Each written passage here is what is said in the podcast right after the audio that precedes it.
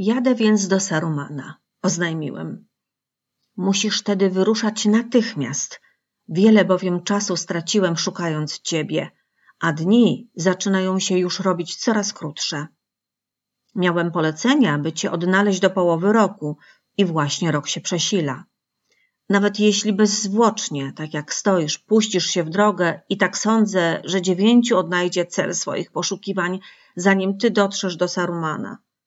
Na mnie w każdym bądź razie czas już najwyższy. Z tymi słowami Radagast dosiadł konia, ale na chwilę go jeszcze powstrzymałem. Poczekaj, potrzebna nam będzie Twoja pomoc i pomoc wszystkich, którzy mogą ją okazać. Ogłoś gotowość pośród wszystkich zwierząt i ptaków, które są Twymi przyjaciółmi. Niechaj wszystkie związane ze sprawą nowiny kierują do Sarumana i Gandalfa, do Ortanku. Zrobię jak chcesz. Odparł i zniknął, jak gdyby goniło go dziewięciu jeźdźców. W żaden sposób nie mogłem mu towarzyszyć. Długo już bowiem jechałem tego dnia. Trzeba więc było dać odetchnąć koniowi, a i ja potrzebowałem czasu do namysłu. Podczas noclegu w Bri doszedłem do wniosku, że nie mogę sobie pozwolić na podróż do Shire. Nigdy jeszcze nie popełniłem większego błędu. W każdym razie napisałem wiadomość dla Froda i powierzyłem ją zaprzyjaźnionemu karczmarzowi z Bri. Wyjechałem o świcie i po długiej podróży osiągnąłem siedzibę Sarumana. Leży daleko na południu, w Isengardzie, na skraju gór mglistych, nieopodal wrót Rohanu. Boromir mógłby wam wyjaśnić, że jest to wielka, płaska dolina, która znajduje się między górami mglistymi a północnym podnóżem Iretnaimbrs. Jego ojczystych gór białych. Isengard to pierścień skał, który otacza dolinę jakby murem. W jej zaś środku znajduje się kamienna wieża o nazwie Ortang. Nie przez Sarumana została wzniesiona, lecz dawno temu przez Numenorojczyków. Jest wysoka i kryje w sobie wiele sekretów, ale z zewnątrz nie wygląda na dzieło czyichś rąk. Można do niej dotrzeć, przekraczając skalny mur otaczający pierścieniem Isengard. A w nim zaś jest tylko jedna brama. Pewnego wieczoru dotarłem wreszcie do owej bramy, przypominającej wielki łuk wykuty w skale, a przed nią dostrzegłem silne straże. Wartownicy mieli jednak polecenie baczyć na moje przybycie i oznajmili, że Saruman mnie oczekuje. Przejechałem pod łukiem, a wtedy wrota z trzaskiem zamknęły się za mną i poczułem nagły, a niepojęty lęk. Podążyłem jednak do stóp ortanku. U wejścia czekał Saruman, który po schodach poprowadził mnie do swej podniebnej komnaty.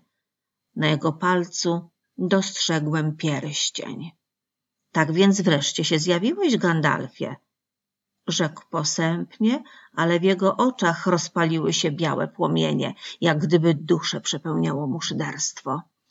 Tak, zjawiłem się, aby prosić cię o pomoc, Sarumanie Biały. Wyglądało na to, że te słowa go rozzłościły. Doprawdy, szary Gandalfie, prychnął. O pomoc! Bardzo rzadko słyszano, by o pomoc prosił Gandalf szary taki sprytny i mądry, jeżdżący po rozmaitych krajach i mieszający się do wszystkich spraw, czy go dotyczą, czy też nie dotyczą. Spojrzałem na niego zaskoczony, ale odpowiedziałem spokojnie i przyjaźnie. Jeśli się nie mylę, sprawy przybrały taki obrót, że musimy teraz zjednoczyć wszystkie siły. Może i tak, ale pomyślałeś o tym dziwnie późno. Zachodzę w głowę, ileż to czasu ukrywałeś przede mną, głową rady, wiadomość najwyższej wagi? Cóż to sprawiło, że raczyłeś opuścić swoją dziuplę w? Znowu pojawiło się dziewięciu, odrzekłem. Radagast brązowy oznajmił mi, że przekroczyli rzekę.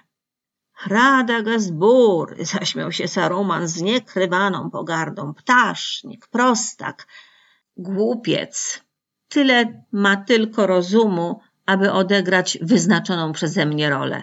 Przybyłeś oto i na niczym więcej mi nie zależało, gdy kazałem słać za tobą wezwania. Przybyłeś i już tu pozostaniesz, Gandalfie szary. Nie będą cię więcej nękać trudy podróży. Jam jest bowiem Saruman mędrzec, Saruman pierściennik, Saruman wielu barw. Nagle zobaczyłem, że chociaż jego szaty zrazu wydawały się białe, teraz okazały się utkane z materii, która przy każdym poruszeniu mieniła się tęczą wielu barw. Bardziej odpowiadała mi biel, rzekłem. Biel, rychnął. To dobre na początek. Białe płótno można zabarwić, białą stronicę można zapisać, białe światło można rozszczepić, które też wtedy przestaje być białe.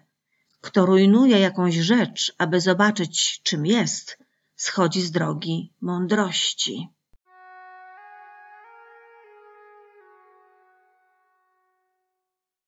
Władca pierścieni, tom pierwszy, wyprawa.